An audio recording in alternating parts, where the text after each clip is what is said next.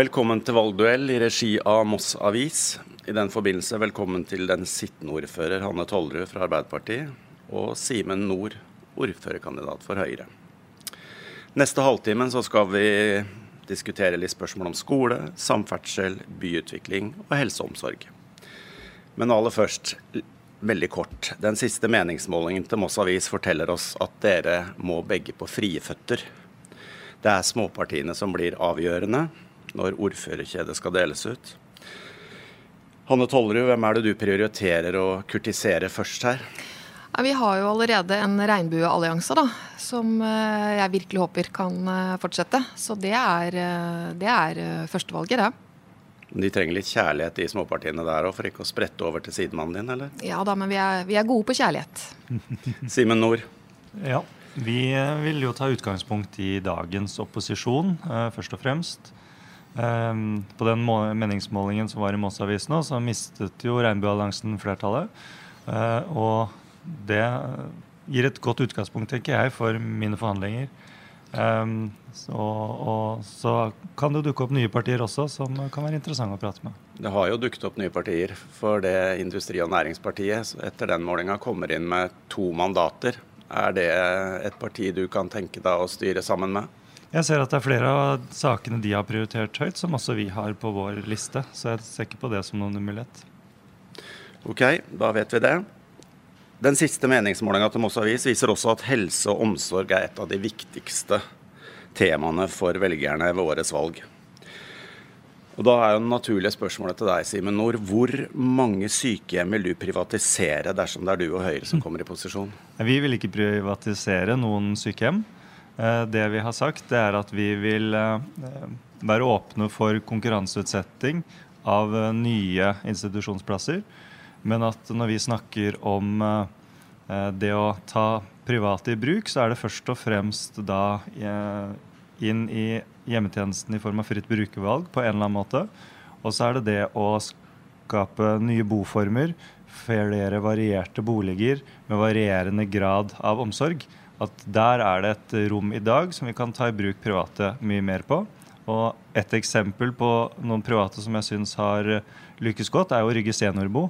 Og mer av den type løsninger òg. Eh, leiligheter der eldre kan få et eh, godt samhold eh, i leilighetskomplekset sitt. Det syns vi er veldig positivt, og vi satser mer på.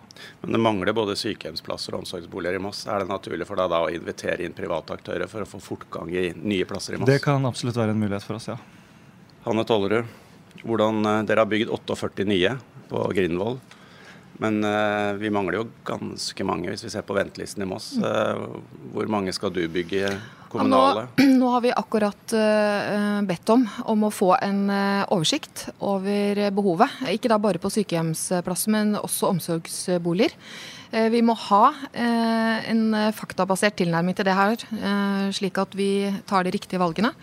Eh, så skal vi ta utgangspunkt i den eh, rapporten og se på hva det reelle behovet eh, er. Men burde man ikke visst allerede nå hva det reelle behovet er? For når dere begynte å bygge 48, så trengte man vel egentlig 70? Mm. Jo, det er nok Vi kunne, kunne, sikkert ha bygd enda flere, men det er viktig også at vi gjør de riktige valgene, slik at vi ikke bommer og at blir eh, at vi tar feil valg med tanke på hva som, eh, som ventes, eh, eller forventes, av eldreomsorgen i Moss framover. Simen nevnte jo dette med alternative omsorgsboliger, bl.a. Rygge seniorbro, som er veldig interessant. Vært i kontakt med Rygge seniorbro sjøl.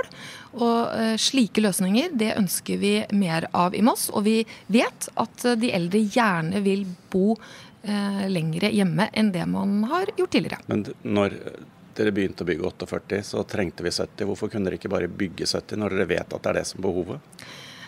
Nei, fordi at Man var vel usikker på også eh, altså sykehjemsplasser kontra omsorgsboliger. Eh, vi må evne å kunne tenke mer enn én tanke. Eh, og, og, Derfor så må vi få den totale oversikten før vi ser eh, hvilken, eh, hva vi skal prioritere etter at Per Gynt er ferdig. Og så vil det lette veldig når Nei, ikke Per Gynt, men når Grindvoll er ferdig.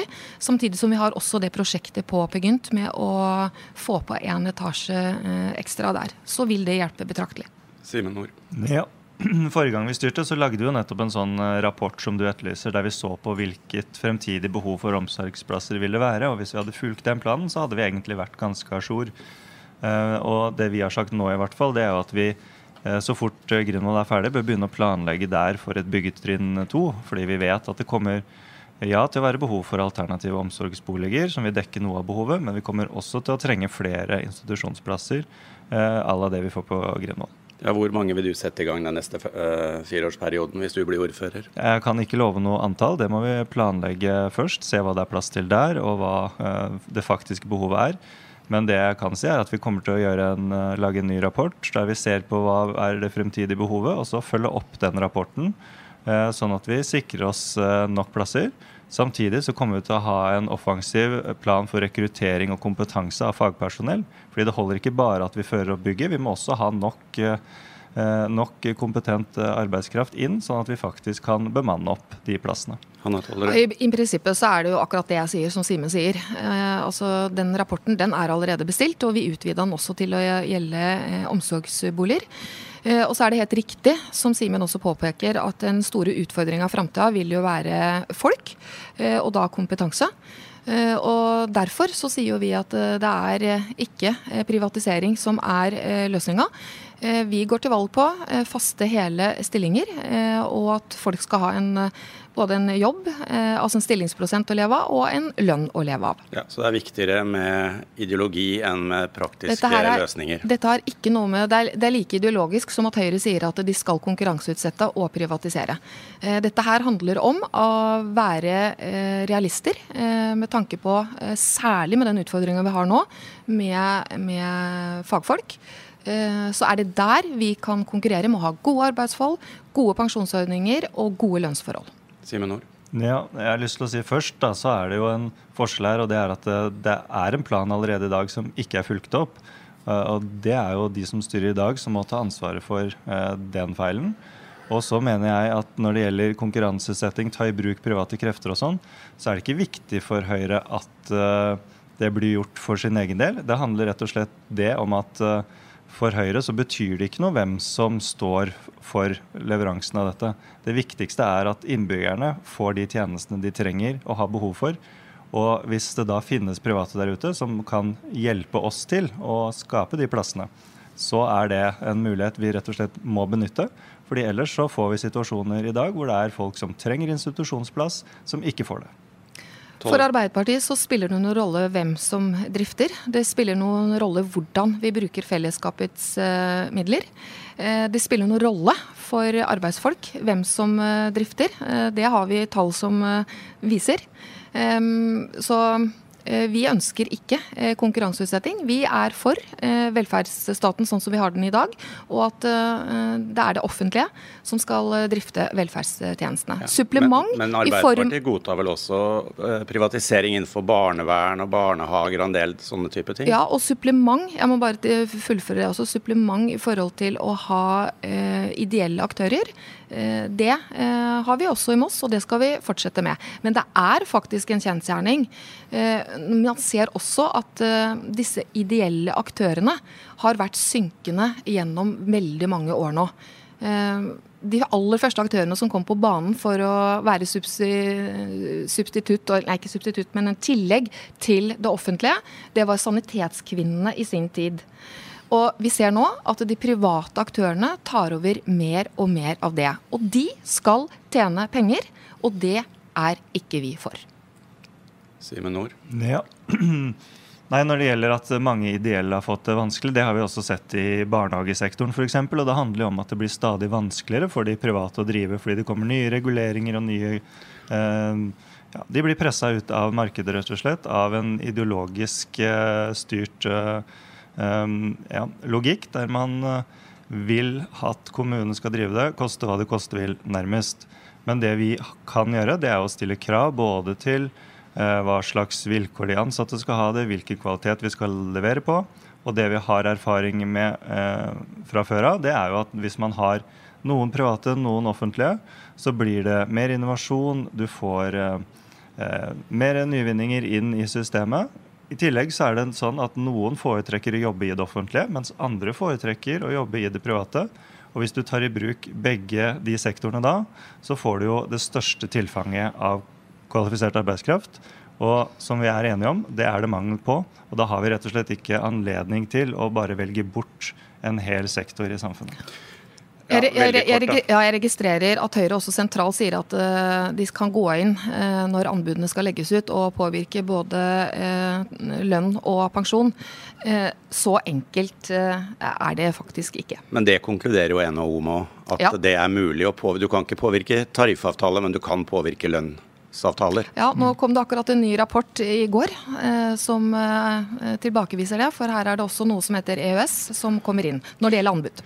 Men dere er begge enige om at vi må ha flere heltidsstillinger, bedre grunnbemanning. og Det går jo på antall folk og antall årsverk. Eh, hvis du skal stå i en eh, tøff turnus og den skal bli mindre tøff, så kreves det mer mennesker. Hvor, hvor, hvor mange årsverk mangler vi for å få en tilfredsstillende helse- og eldreomsorg i Moss da? Tollerud? Det, tror, det tror jeg er umulig å svare på, for det, det tror jeg han ikke vil variere eh, fra tjeneste til tjeneste, og til og med fra avdeling til avdeling. Vi har lagt ti millioner på bordet nå for å øke grunnbemanninga.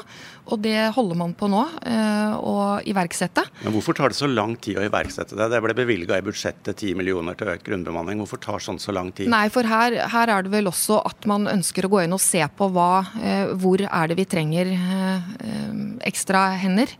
Der må de kartlegge og se, og det vil variere, det vil variere fra avdeling til avdeling på, på, hvor mye man eventuelt skal, skal sette inn. Simen Nord. Ja, det vi også vet, er jo at her må vi ha et, eh, et godt arbeid for å rett og slett klare å få den kompetansen vi trenger, få rekruttert. Det er ikke så lett uh, i dag.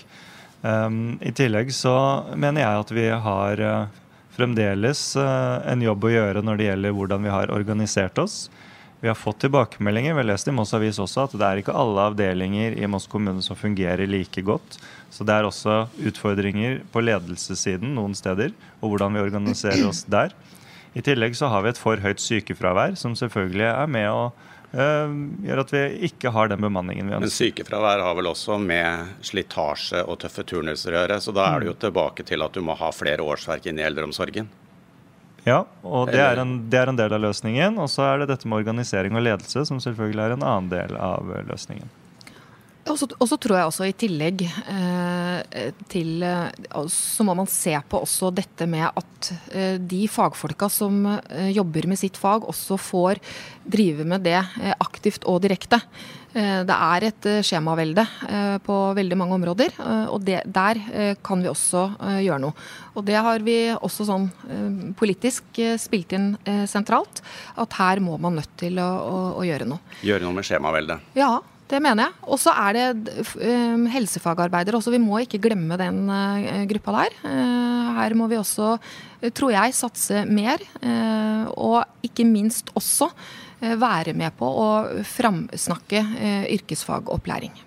Samferdsel er viktig i Moss. God infrastruktur på samferdsel er viktig de neste 100 åra for byen. Og det er et utsagn som de fleste politikere, uavhengig av partier, er enige om. Uh, og så er det jo da dette spørsmålet om rv. 19 og fergeleier og containerhavn. De der er standpunktene relativt velkjente. Uh, og så fremstår det så nærmest som en gordisk knute, som om Moss har malt seg inn i et hjørne det er vanskelig å komme ut av. Nå står Moss i fare for å falle ut av Nasjonal transportplan. Vi har en ordfører, som er deg, fra Arbeiderpartiet. Vi har en fylkesråd fra Arbeiderpartiet. Vi har en samferdselsminister fra Fredrikstad og Arbeiderpartiet. Vi har en statsminister fra Arbeiderpartiet. Og din egen partikollega, samferdselsminister Jon Ivar Nygaard, han ga deg ikke engang drahjelp på å holde Moss og rv. 19 i Nasjonal transportplan når han var på besøk i gågata i Moss sist lørdag. Er det dårlig politisk lederskap fra din side som gjør at du ikke får noe drahjelp fra jeg, kollegaene dine? Jeg, jeg, jeg, tror at vi må rydde litt her. For altså, det er Statens vegvesen eh, som har anbefalt at riksveien 19 ikke skal være med videre. det hjelper med en, et lite push fra en samferdselsminister? En, en samferdselsminister jeg, har, jeg skulle gjerne ønske han kunne sagt at han skulle garantere for det han fikk spørsmål om, om rv. 19 kom inn igjen i NTP. Den skal behandles altså i neste år, våren eh, neste år. Jeg har forståelse for at en minister eh, ikke kan eh, love det, men tro meg. ja, men det er, ja. Jeg er, jeg er ganske Eh, overbevist om, eh, med drahjelp også fra andre politiske partier, om at vi skal få rv. 19 på trekk igjen Men hvorfor har Moss Arbeiderparti så tilsynelatende dårlig innflytelse på egne kolleger, både i Viken og i regjering, og hva er det? Hvorfor? Men Viken fylkeskommune eh, og, eh, har også gitt en uttalelse nå inn til NTP-en at de ønsker rv. 19 eh, inn igjen. Eh, så jeg vil ikke si at de har en dårlig innflytelse, men det er denne tida nå som de faktisk ber om å få tilbakemeldinger. Men er du på en måte endt opp som en sånn politisk administrator av prosesser, istedenfor å være ordføreren i Moss som sitter i førersetet og staker ut kursen? Nei, vi må følge Vi følger de politiske prosessene, uavhengig av hvem som sitter i ordførerstolen. Og så har jeg tatt initiativ som ordfører til å samle hele politiske Moss til å sammen dra dette lasset, for da stiller vi også mye sterkere. Men Er det prosessene som styrer dere, mer enn at dere styrer Nei, gode løsninger? Vi, vi, har kontakt også utenom eh, prosessene. Det har alle de partiene, i hvert fall de partiene som har eh, partier på Stortinget. Eh, så vi påvirker, eh, påvirker, eh, når vi kan og når vi må, men vi følger også selvfølgelig de politiske men, prosessene. Men skjønner du at det er vanskelig å se at dere har veldig stor politisk innflytelse innover? I hvordan det har fremstått de siste fire åra, med kanalbru og rv. 19 og ja. Nei, jeg, egentlig ikke. Så skjønner jeg ikke det. Altså Det at uh, Kanalbrua uh, fikk en uh, rapport på, på, seg og viste hvor, hvor dårlig forfatningen var, det handler vel egentlig ikke om hvem som sitter og styrer politisk. Den hadde kommet uh, åkke som. Og så har vi fått på plass noen tiltak, avbøtende tiltak, men ikke i nærheten nok, mener vi. Og det har vi vært tydelige på å formidle også til til Viken og til politikerne som sitter der? Dere hadde et årsmøte i Arbeiderpartiet hvor uh, gruppeleder Shakil Rehman var ute og sa at hvis ikke det ble noe skikk på ting, så kunne Nygaard ta med seg Bastøferga og dra. Dere, dere snakker da tydeligvis mest på bakrommet. Har uh, dere gitt beskjed om at han ikke bør komme til Moss igjen? Vi snakker ikke mest eh, på bakrommet, men vi, vi har dialog både formelt og uformelt. Og samferdselsministeren er fullstendig klar over Eh, både eh, når det gjelder ferjetrafikken og rv. 19 og kanalen, selv om kanalen er fylkeskommunal. Simen Nord. Ja, både i departement, på storting og i fylkestinget så handler det jo også om politisk vilje. Og eh, da vi hadde regjeringsmakt, så fikk vi jo rv. 19 inn i NTP. Så jeg har en klar forventning om at rv. 19 fremdeles skal ligge inne i NTP når det neste blir vedtatt. Men eh, det jeg har erfart mest på kroppen, siden jeg også sittet i Viken fylkesting, det er jo at jeg syns eh, flertallet der, med Arbeiderpartiet i spissen, ikke har vært gode nok til å prioritere eh, kanalbrua i Moss. Vi har jo hatt flere konkrete forslag inne som er blitt avvist. Det gjelder f.eks. det å få på plass en midlertidig bro raskere det å sette opp den umiddelbart istedenfor å vente til eh, reguleringsplanarbeidet er ferdig. Og Det gjelder også det å få på plass gang- og sykkelbroer eh, nord og eller syd i kanalen, sånn at man kan få eh, skilt trafikken mer. Dette er sånne eh, investeringer som jeg tror vi er nødt til å få på plass uansett. Og da er det bedre, mener vi, å gjøre det nå enn å vente. Og det er det fullt mulig å gjøre hvis det er politisk vilje til det. Hanne Tollerud, bør Moss søke om bypakken i løpet av de neste fire år? Ja, jeg mener det. Eh, vi har eh, trafikale utfordringer i denne byen, ikke bare eh, på kanalen. Det er nok å ta seg en tur opp til Mosseporten og se innover mot uh, Vålerveien, og ikke minst også Ryggeveien. Uh, så det er ikke bare i kanalen, det er store trafikkutfordringer i hele byen vår. Og vi løser ikke det bare ved å bygge nye veier. Uh, vi må også kunne ha midler til å iverksette gode tiltak både for gående, syklende, men også kollektivtrafikken. Så ja takk, begge deler. Både rv. 19 og bypakke.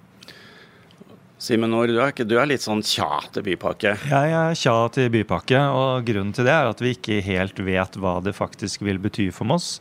Verken hvilke midler vi kan få tilført, og heller ikke hva det vil koste oss å bety for innbyggerne i Moss. Så det jeg er åpen for, det er at vi starter den diskusjonen og involverer innbyggerne i prosesser nå for å finne ut av hva dette vil bety for Moss. Men er det mulig å få på plass en god trafikkløsning for Moss, med sykkelveier, eh, gode kollektivtilbud det... mellom bydelene, uten å utløse statlige midler? Det er eh, Fylkeskommunen må på plass og sponse oss med en del Men av det. Men nå spurte jeg deg, og... er det mulig å få det til uten å utløse statlige midler? Ja, det mener jeg absolutt at det er. Eh, Hvem skal betale bort, da? Hvis du ser bort ifra da, de statlige midlene som skal inn i en ny rv. 19-løsning, selvfølgelig. Eh, da er det ikke nødvendig med statlige midler for å knytte byen tettere sammen, få på plass sykkelveier og et bedre kollektivtilbud. Det ligger mye der hos fylkeskommunen som bør bidra mer til problemene i Moss. Og så kan vi også gjøre veldig mye lokalt når det gjelder sykkelveier. Og der har det jo stått veldig stille de siste årene. Og her kan vi gå mye raskere frem. Det har vi investeringsmidler ja, men til å gjøre. Har, du, har Moss kommune investeringsmidler til å gjøre det? Alene? Du skal bruke av boka på 600 millioner til å gjøre det. Hvis vi kan uh, redusere trafikkproblemene i Moss, så må vi selvfølgelig uh, bruke penger på det sparepengene? Sparepengene og de nye pengene som vi får hvert år fra staten. Nei, jeg, jeg, tror ikke det. Eh, og skal man eh, gjøre det kun med eh, kommunale midler, så vil det ta så lang tid at da, da forsvinner tida for oss. For vi må, vi må handle nå og i nærmeste framtid. Derfor så trenger vi også statlige midler. Og så, så, ser vi også at vi må huske på nå at det vi bygger, både når det gjelder veier, men også kollektiv Eh, og for, eh, for, syklene er også for neste generasjon som kommer. Eh, og, og, de har også en helt annen holdning til bilen enn hva kanskje min generasjon har. Simen Nord. Ja. Jeg syns jo det er oppsiktsvekkende hvis det er sånn nå at kommunen ikke kan betale for sine egne, egne sykkelveier, hvis det er budskapet. hvis vi ikke har råd til sykkelveier til noen titalls millioner i løpet av en lengre periode for å spare byen for problemer, eh, da lurer jeg på hva vi prioriterer her. Men det som er utfordringen inn i en bypakke, det er jo at man da kanskje ser på mye større beløp og mye større investeringer, eh, som er vanskeligere for kommunene å klare på egen hånd. Eh, men da skal det finansieres med bompenger betalt av innbyggerne i Moss. Og jeg tror ikke vi har eh, muligheten til å få noen voldsomme statlige overføringer. Det er ingenting som tyder på det, med tanke på hvor vi er plassert inn i hierarkiet hos eh, staten. Vi er ikke et av de største byområdene som får hundrevis av millioner.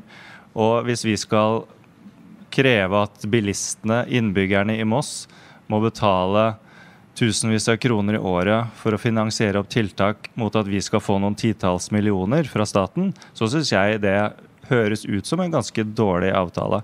Så Derfor vil jeg at vi starter den diskusjonen. At vi finner ut av hva kan vi få overført eh, til oss. Hva vil det koste innbyggerne i Moss? Er det nødvendig at vi gjør det, eller finnes det andre løsninger? Blir ikke bedre kollektivtrafikk og mer sykkelvei med deg de neste fire åra? Jo, det blir det. Utrede. Det blir bedre uh, sykkelveier, fordi at det kommer vi til å prioritere innenfor kommunens budsjett. Og hvis Høyre vinner i fylkestinget, uh, fylkesvalget, så kommer det også til å bli en satsing på kollektivtransport der. Hanne Tollerud.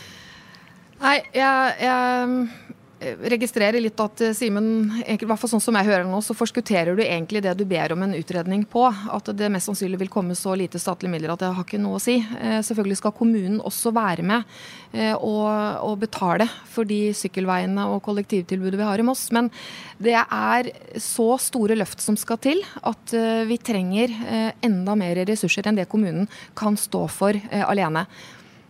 Simen. Vi vet at situasjonen i Moss er ganske krevende økonomisk for mange familier allerede. Og det at vi da skal starte et løp som vil påføre de tusenvis, hvis ikke titusenvis av kroner i ekstrautgifter eh, hvert år, uten at vi vet hva vi får ut av det, det syns jeg virker, eh, virker ja, eh, uforberedt og noe vi ikke kan starte med. Vi må først få mer informasjon. Eh, om det før vi går inn i det løpet. Men det er veldig mye annet vi kan gjøre mens vi diskuterer bypakkeordning. Og hvorfor ikke det er gjort frem til nå, det vet ikke jeg, men det kommer til å skje med Høyre ved rattet. Vi, vi trenger en ny kanalbru. Eh, det henger relativt mørke skyer over et nytt Østfold fylke. De økonomiske utsiktene er ikke spesielt gode heller, så det ser ikke ut som det er noe klarvær i sikte. Får vi en ny kanalbru når vi går inn i et nytt fylke i løpet av de neste fire åra, Hanna Tollerød? Ja, vi får en ny kanalbru.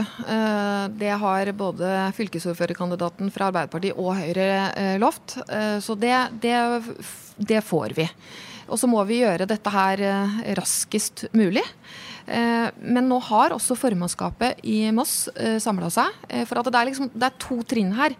Det er også tiltak på nåværende kanalbru, men de innsnevringene vi har nå. Eh, nå har vi jo formannskapet sagt at vi ønsker en sak til behandling den 19.9. Hvor vi da eventuelt ber eh, om hjelp eksternt for å se på om vi kan få en bedre trafikkavvikling enn det vi har eh, på Kanalbrua i dag. For det er jo i hvert fall til tider eh, massivt trafikkaos eh, på den brua. Og, så, og, og, det er kjempebra at alle eh, de politiske partiene, i hvert fall de som sitter i formannskapet, har samla seg rundt dette. Simen Nord. Ja, jeg syns også at vi i Moss har jobba godt sammen. Her har man vært enige om veldig mye. Og så ligger utfordringen på fylkestinget. Og jeg tror også at vi kommer til å få en ny kanalbru i løpet av perioden. Det som er interessant også, er jo hvilke andre tiltak klarer vi å få på plass raskt. Som også kanskje krever noen investeringer. Men jeg tror vi må ha før eller siden uansett. Og som jeg nevnte i stad, gang- og sykkelveibro er Eh, en sånn ting. En annen eh, ting er jo den midlertidige broa som må opp mens man river og bygger ny kanalbro. Den kan man få opp eh, med en gang. Man trenger ikke vente til hele prosjektet er ferdig, ferdig utreda. Så Derfor mener jeg at den bør vi sette i gang med umiddelbart, og det mener også Høyres fylkesordførerkandidat. Gang- og sykkelbru på hver side av den nye kanalbroa. Er det en del av den samme finansielle pakka som fylket sponser, eller må Moss kommune ut og ordne det sjøl? Nei, her må vi nok være med. I hvert fall hvis vi skal ha to løp, altså Nordre og, og, og i sør. Nå har vi også en, en en utbygging som skal skje etter hvert på Jeløy-siden, hvor det har blitt veldig tydelig eh, formidla at de også må være med på en gang- og sykkelbro eh, over kanalen, men det ligger jo litt lenger fram. Så er det fryktelig synd da, at man for eh, to-tre år siden sa nei til en gratis gang- og sykkelbru over kanalen. Men har vi dette på plass i løpet av den fireårsperioden? da? Sykkelbru og gangbru? Ja, det, det, det, bør kunne, det, bør man kunne, klare. Mm, det er dere begge enige om. Ja. Eh, ny bro eh, til verket. Eh, bør den åpnes for eh, bilister, privatbilister, for å ta unna noe av trafikken og kaoset i Moss, i hvert fall i en periode? Mm, ja, jeg, eh, Høyre mener jo i hvert fall at den må åpnes for eh, trafikk for de som bor i dette området. Eh, det mener vi var en forutsetning når vi diskuterte dette området i utgangspunktet.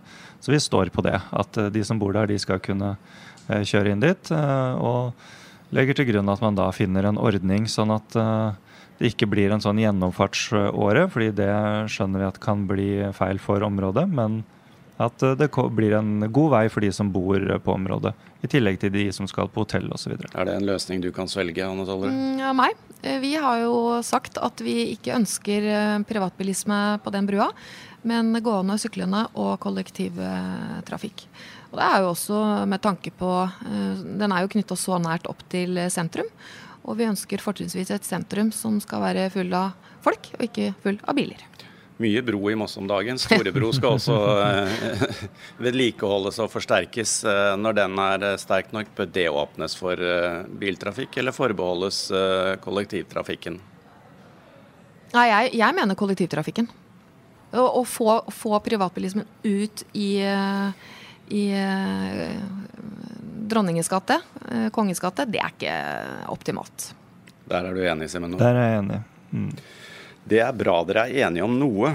Eh, men noe dere antageligvis ikke er enige om, det er du vil reversere leksefri skole mm. hvis du kommer i posisjon, og det vil du gjøre med en gang? Ja, eller i hvert fall starte prosessen med å gjøre det. Eller den involveringen som jeg mener mangla når det ble innført. Eh, vi er opptatt av at dette er et eh, viktig pedagogisk verktøy for lærerne.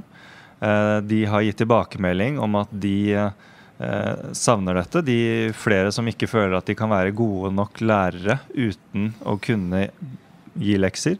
De ser at eh, elevene mangler mengdetrening. Særlig innen lesing og matematikk så er det mange som sier det. Og veldig mange sier også at det er de faglig svakeste elevene dette går mest utover. Og med de tilbakemeldingene så mener vi at uh, med å få tilbake den muligheten. Men dere var Som, veldig raske med å ville reversere det. Dere hadde vel nesten ikke fått tid til å komme en eneste motforestilling fra en lærer før uh, du gikk ut og sa dette vil ikke vi ha? Jo, det rakk det faktisk. at de sitter i det utvalget som, uh, som, der dette ble bestemt. og protesterte allerede da nettopp på prosessen rundt innføringen. Fordi lærerne fikk jo ikke engang uttale seg før leksefri skole ble innført.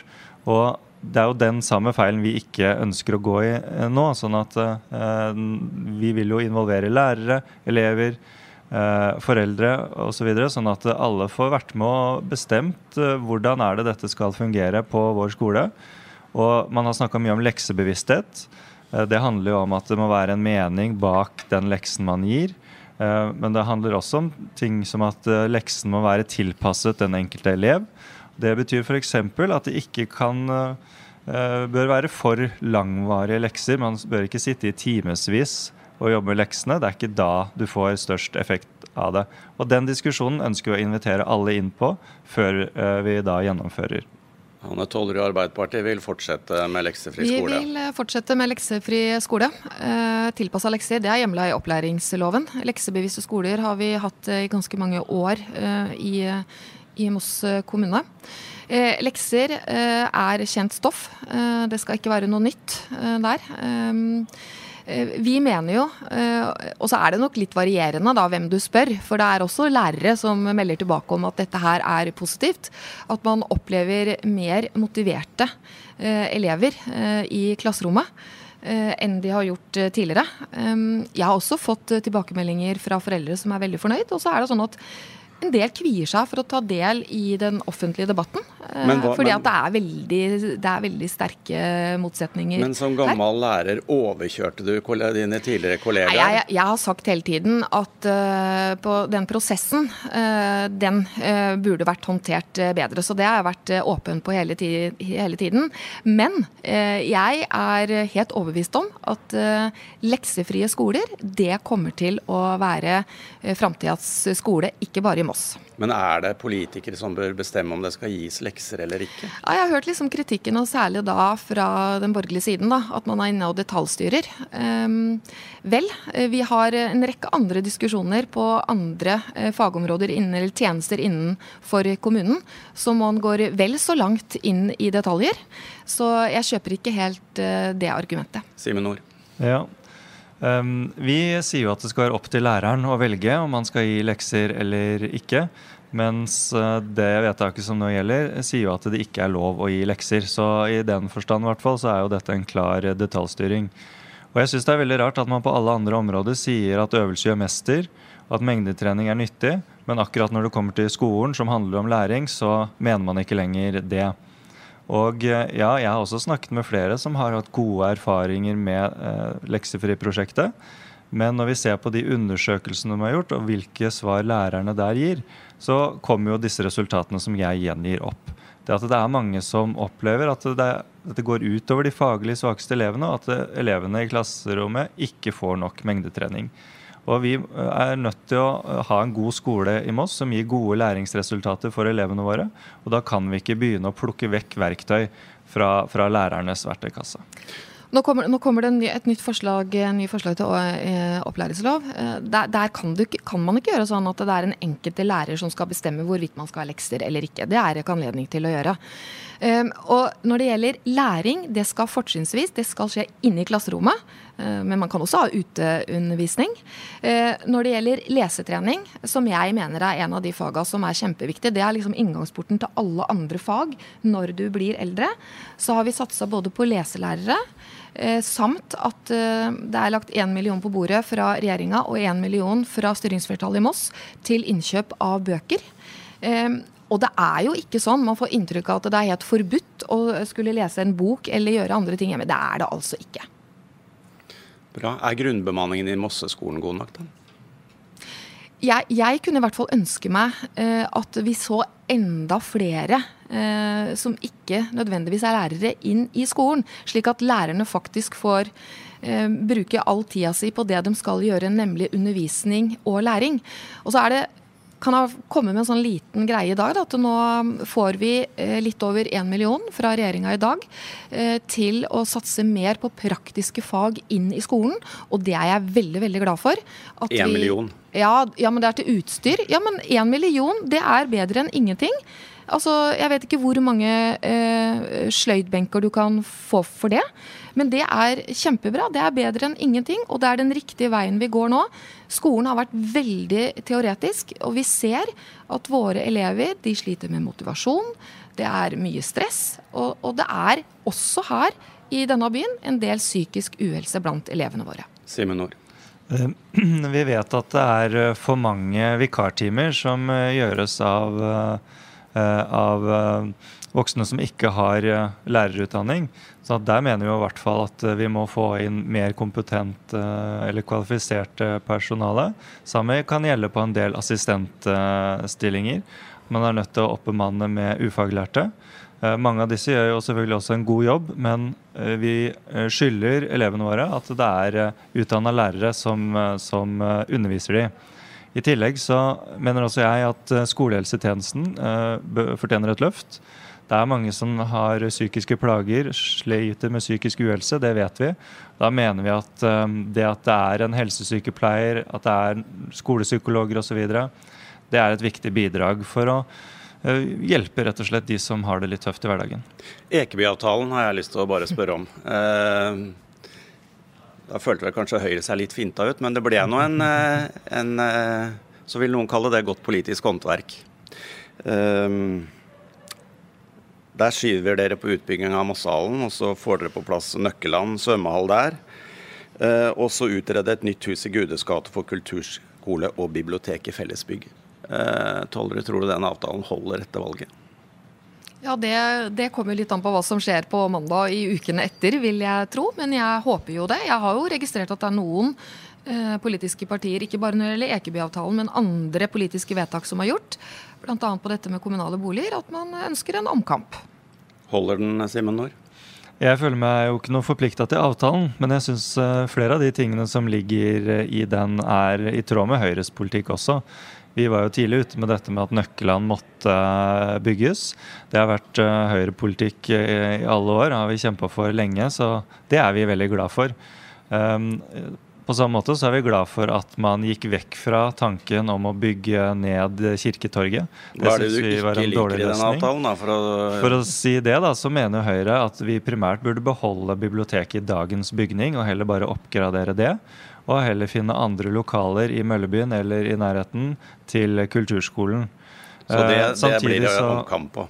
Samtidig så har jeg sagt at vi skal Det jobbes jo nå med en Eh, utredning på dette nye bygget på Gudeskvartalet. Så jeg har sagt at vi skal jo se da hva det gir av resultater. Hvor dyrt vil det bli? Hvilke muligheter vil det være der? Og så får vi måle opp imot det som er vårt uh, første ønske, og selvfølgelig også diskutere med de andre partiene uh, som, som, var med på denne Ekeby-avtalen. Flere av de er jo partier som jeg også kunne tenke meg å samarbeide med videre. Venstre f.eks.? F.eks. Venstre, absolutt. Hva, eh, veldig kort da, hva blir de eh, viktigste sakene for dere nå i, helt på, på tampen, innspurten? Er det mulig å påvirke noe mer nå? Ja, jeg, jeg tror det. Eh, det. det. kan se ut som det at det er ganske mange velgere som sitter på gjerdet ennå, som ikke helt har bestemt seg. Det viktigste vi skal gjøre, det er å gå ut og prate med folk. Det er vår erfaring. Er, hva er saken, viktigste sakene, tror du? Vet du hva, Det varierer litt hvem du snakker med. Eh, de eldre så er det Kanalbro og rv. 19. Eh, barnefamilier så er det eh, barnehage, skole, fritidstilbud. Så det er litt varierende hvem du treffer. Dem vi kanskje ikke får snakka nok med, er, er, ungdommen. Hvor vi har en del utfordringer som vi må ta tak i i denne byen. Men vi ut og prate med folk, det er det som gjelder nå. Simen Nord. Ja, Det vi er opptatt av å eh, fortelle om nå, det er jo litt det overordna politiske prosjektet vårt om at Moss eh, skal bli en ja-kommune. Der vi både eh, imøtekommer næringslivet, sikrer de forutsigbarhet ut ifra en idé om at du først må skape før du kan dele. Men også i dette med ja-kommune ligger jo det at vi skal være innbyggervennlig, imøtekommende når innbyggerne trenger hjelp med et eller annet. Enten det er byggesak, at de eh, ber om at barnet sitt kan gå på en annen skole, eller at de skal åpne et serveringssted eller kulturarena i, i sentrum. Men dere skal slutte med raske rulleringer, rulleringer av kommunedelplan? Det prøvde dere vel for, forrige periode uten at det gikk så bra i forhold til å være en ja-kommune? Det vi skal sørge for er i hvert fall at uh, vi har en raskest mulig behandling av de planene vi trenger, sånn at uh, utbyggere ikke sitter, trenger å sitte og vente i årevis på at et eller annet arbeid skal gå. Nei, jeg må, jeg må, bare komme ut, for jeg synes Det er litt, eh, det, det, er noen påstander her som jeg må få nødt til å svare på. Eh, for jeg syns det er litt rart. Det, for meg så høres det ut som at Høyre mener at eh, Moss kommune er en nei-kommune. Det har vært lenge slik at man sier ja når man kan og nei når man må. Og det er også sånn at innbyggere får hjelp. Senest nå på lørdagen også så vi, satte vi oss som formannskap og behandla en skjenkesak i hu og hast.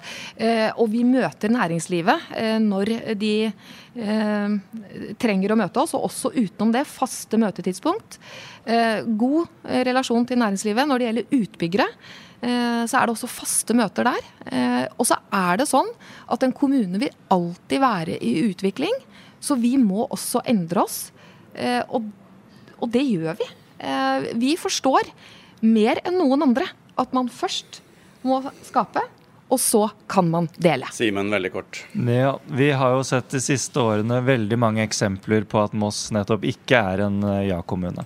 Vi får det til i mange sammenhenger, og jeg syns vedtaket på lørdag var et prisverdig godt eksempel på at man var en ja-kommune. Men det har vært veldig mange eksempler på det motsatte. Eh, innbyggere har ikke følt at de er blitt sett eller hørt, og Moss kommune har dessverre eh, ikke fulgt opp eh, den innbyggervennligheten som eh, jeg og Høyre mener at eh, vi skal stå for. Så det er viktig for oss. Ok, da setter vi strek. Takk for at dere kom, og så godt valg.